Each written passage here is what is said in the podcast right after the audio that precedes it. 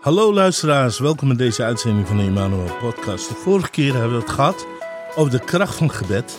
Vandaag willen we het hebben over verschillende soorten gebeden voor verschillende situaties.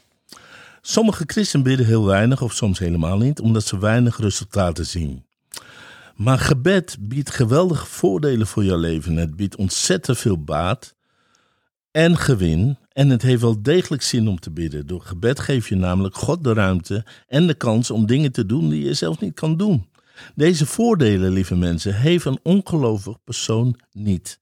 De Bijbel zegt in Efeze 6, vers 18 het volgende. En bid bovendien met alle soorten van bidden en smeken, bij alles wat zich voordoet.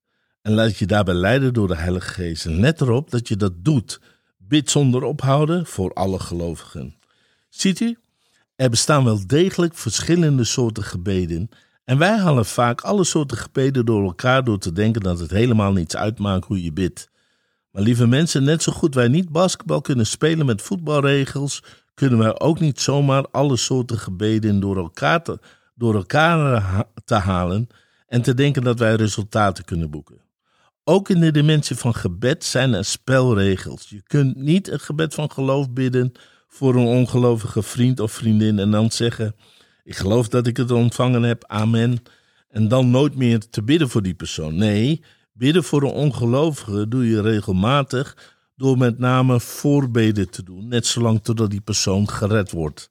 Hierover zal ik een andere keer meer over uitweiden. Je kunt ook niet een gebed van overgave en een gebed van geloof door elkaar halen. In een gebed van overgave zeg je niet mijn wil, maar uw wil geschieden. Want een gebed van overgave heeft te maken met Gods specifieke wil en plan voor jouw leven. Wij weten vaak niet van tevoren wat God met ons precies van plan is. Of zelfs wanneer we dit wel weten, maar het moeilijk vinden om het te doen, is een gebed van overgave zeer krachtig. Dit zien we terug in het leven van Jezus toen hij bad in het hof van Gethsemane. Kortom, Gods specifieke plan voor jouw leven kan je alleen ervaren wanneer jij echt bereid bent om jouw eigen wil over te geven aan zijn wil. En dit doe je door een gebed van overgave. Wanneer je een gebed van geloof bidt, moet je eerst zeker weten wat Gods algemene wil is. En Gods algemene wil wordt geopenbaard door en in zijn woord. Vergeving is Gods algemene wil voor jouw leven. Lichamelijke genezing is Gods algemene wil voor je leven. Genezing van een gebroken hart, goddelijke wijsheid, gezonde verstandhoudingen, financiële gezondheid, heiliging is algemene wil voor jouw leven. Voor dit soort dingen hoef je niet te bidden, niet naar mijn wil, maar u wil geschieden. Voor dit soort dingen een beetje het gebed van geloof. Want nogmaals, alhoewel het Gods wil is voor je leven, wil niet zeggen dat het automatisch gebeurt. Wanneer je zeker weet dat het zijn wil is, dan kan je met volle vrijmoedigheid het aan hem vragen. Dan moet je geloven dat je het ontvangen hebt, zegt de Bijbel. En dan zegt de Bijbel, omdat je het gelooft dat je het ontvangen hebt, ga je het beleiden dat je het ontvangen hebt. En dan pas zal het geschieden. Ziet u, er zijn dus verschillende soorten gebeden voor verschillende situaties. Maar de uitwerking daarvan kunnen ontzettend veel bereiken. Laten we een aantal daarvan bestuderen. Ten eerste, God, uh, gebed spoort God aan om jou te helpen. Hebreeën 4, vers 16 zegt: Laten we daarom vrijmoedig naar de troon van God gaan. Om van Hem genade te ontvangen. Om hulp te krijgen. Juist in die ogenblikken dat wij het moeilijk hebben. Lieve mensen, zonder Gods hulp zijn we hier op aarde eigenlijk totaal hulpeloos. We hebben namelijk een onzichtbare vijand die heel agressief is en heel gemeen vecht. De duisternis waarmee wij geconfronteerd kunnen worden, kan soms heel heftig zijn. Maar dank God dat we toegang hebben naar de troon van God om genade en hulp te ontvangen, zegt de Bijbel, juist wanneer wij het moeilijk hebben. Iedere zegen en overwinning in ons leven is het resultaat omdat God ons geholpen heeft. Onthoud dat. Psalm 60, vers 12, 13 en 14 zegt: Wilt u, o God, optrekken met onze legers?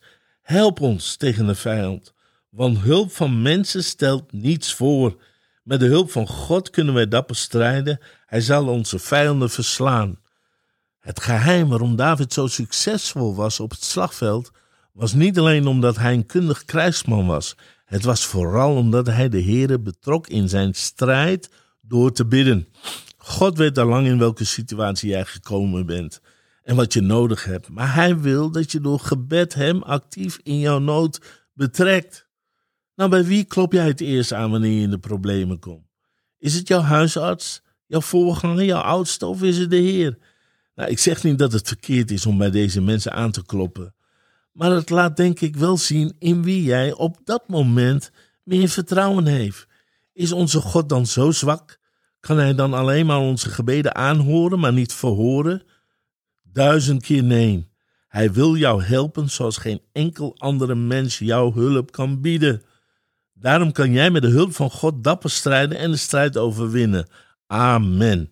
Gebed activeert ook engelen om voor jou aan het werk te gaan. Hebreeën 1, vers 14 zegt: van de engelen zijn geesten die God dienen en die hij erop uitstuurt om de mensen die gered worden te helpen. Er bestaan kwade geesten, maar er bestaan ook goede geesten. Deze geesten, of ze nou goed of kwaad zijn, zijn krachtige, onzichtbare wezens. Daarom kunnen kwade geesten zichtbare en zelfs fysieke schade toebrengen aan een mens. En goede geesten, oftewel engelen, kunnen zichtbaar herstel en kracht en genezing bieden aan de mens. Werden mensen niet genezen toen het badwater werd bewogen door een engel? Had Jezus niet in het hof kracht ontvangen door middel van een engel? Was Petrus niet uit de gevangenis bevrijd door een engel, omdat de gemeente voortdurend voor hem bad? Lieve mensen, engelen zijn krachtige, onzichtbare wezens en ze komen meteen in actie zodra zij Gods woord horen. Psalm 103, vers 20 zegt: Loof de Heer, gij zijn engelen, gij krachtige helden die zijn woord volvoert, luisterend naar de klank van zijn woord. Engelen zijn dienende geesten die ten dienste van ons staan. Zij staan aan de zijlijn en wachten totdat wij bidden en Gods woord beleiden over onze situatie. Ze zijn daar om Gods woord te volvoeren, zegt de Bijbel. Ze zijn een uitvoerende macht. Wanneer we meer activiteit van engelen willen zien, moeten we meer bidden en meer Gods woord beleiden, in plaats van dat we alleen maar onze situatie constant aan iedereen vertellen. Nou, ik zeg echt niet dat we helemaal niet mogen vertellen wat er met ons aan de hand is. Natuurlijk wel. Ik zeg alleen dat engelen luisteren naar de klank van zijn woord en niet naar de klank van ons woord. Sommige christenen laten de hele wereld weten via Facebook, Instagram, social media wat hun problemen zijn, zonder ook maar één woord te vermelden wat God kan, gaat en wil doen. De Bijbel vertelt ons dat wij de overwinning kunnen behalen door het bloed van het lam en door het woord van onze getuigenis. Ik wil je bemoedigen om vanaf vandaag jouw beschermengel te activeren, als ik het zo mag zeggen, door aanhoudend te bidden en Gods woord over jouw situatie te spreken. Elke dag weer, elke dag weer. Ook al heb je pijn, ook al ben je ziek, elke dag weer. Ik zeg niet dat je engelen kunt commanderen wat ze moeten doen. Maar wat ik wel jou duidelijk wil maken is dat gebed wel degelijk zin heeft en dat daardoor zelfs onzichtbare krachtige wezens, die wij engelen noemen, jou kunnen helpen en willen helpen. Weet u, gebed bekrachtigt ook de profetieën die over jouw leven zijn uitgesproken. Ziet u, God laat zijn plan voor jouw leven zien door middel van de principes van zijn woord, maar ook door profetie. En vele christenen denken dat profetie een soort garantie is voor de toekomst. Dat wat er geprofeteerd is, sowieso gaat gebeuren. En wanneer het niet gebeurt, raken ze teleurgesteld en geven ze het op. Maar profetie is geen garantie. Het is meer een routekaart. God laat jou zien waar Hij jou heen wil brengen, maar jij moet wel de stappen ondernemen om daar te komen.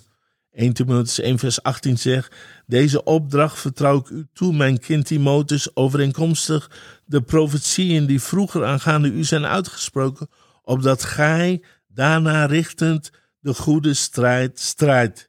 Ziet u, je zult toch de goede strijd moeten strijden overeenkomstig de profetieën. Nou, hoe doe je dat? Door te bidden. Door de Heilige Geest te vragen om jou stap voor stap te leiden. Het is een goede strijd, omdat je deze strijd eigenlijk niet kunt verliezen. Want als, je God ergens, want als God jou ergens wilt hebben en jij ook bereid bent om de Heer daarin te volgen, dan zal het gewoon gebeuren. Jesaja 46 vers 10 staat, al aan het begin vertel ik, zegt de Heer, wat er aan het eind zal gebeuren. Ik spreek van tevoren over dingen die nog niet gebeurd zijn. En alles wat ik van plan was, doe ik. Dus lieve mensen, ik wil je echt aansporen om te bidden, want gebed, door gebed betrek je de Heer in jouw problemen, je activeert engelen en je bekrachtigt de profetieën die over jouw leven zijn uitgesproken. Geen wonder dat de boze niet wil hebben dat je niet bidt. Maar die tijd is nu voorbij. Sta op, schud alle ongeloof en zorgen van je af en begin de geweldige voordelen te ervaren van gebed door daadwerkelijk te bidden. God bless you.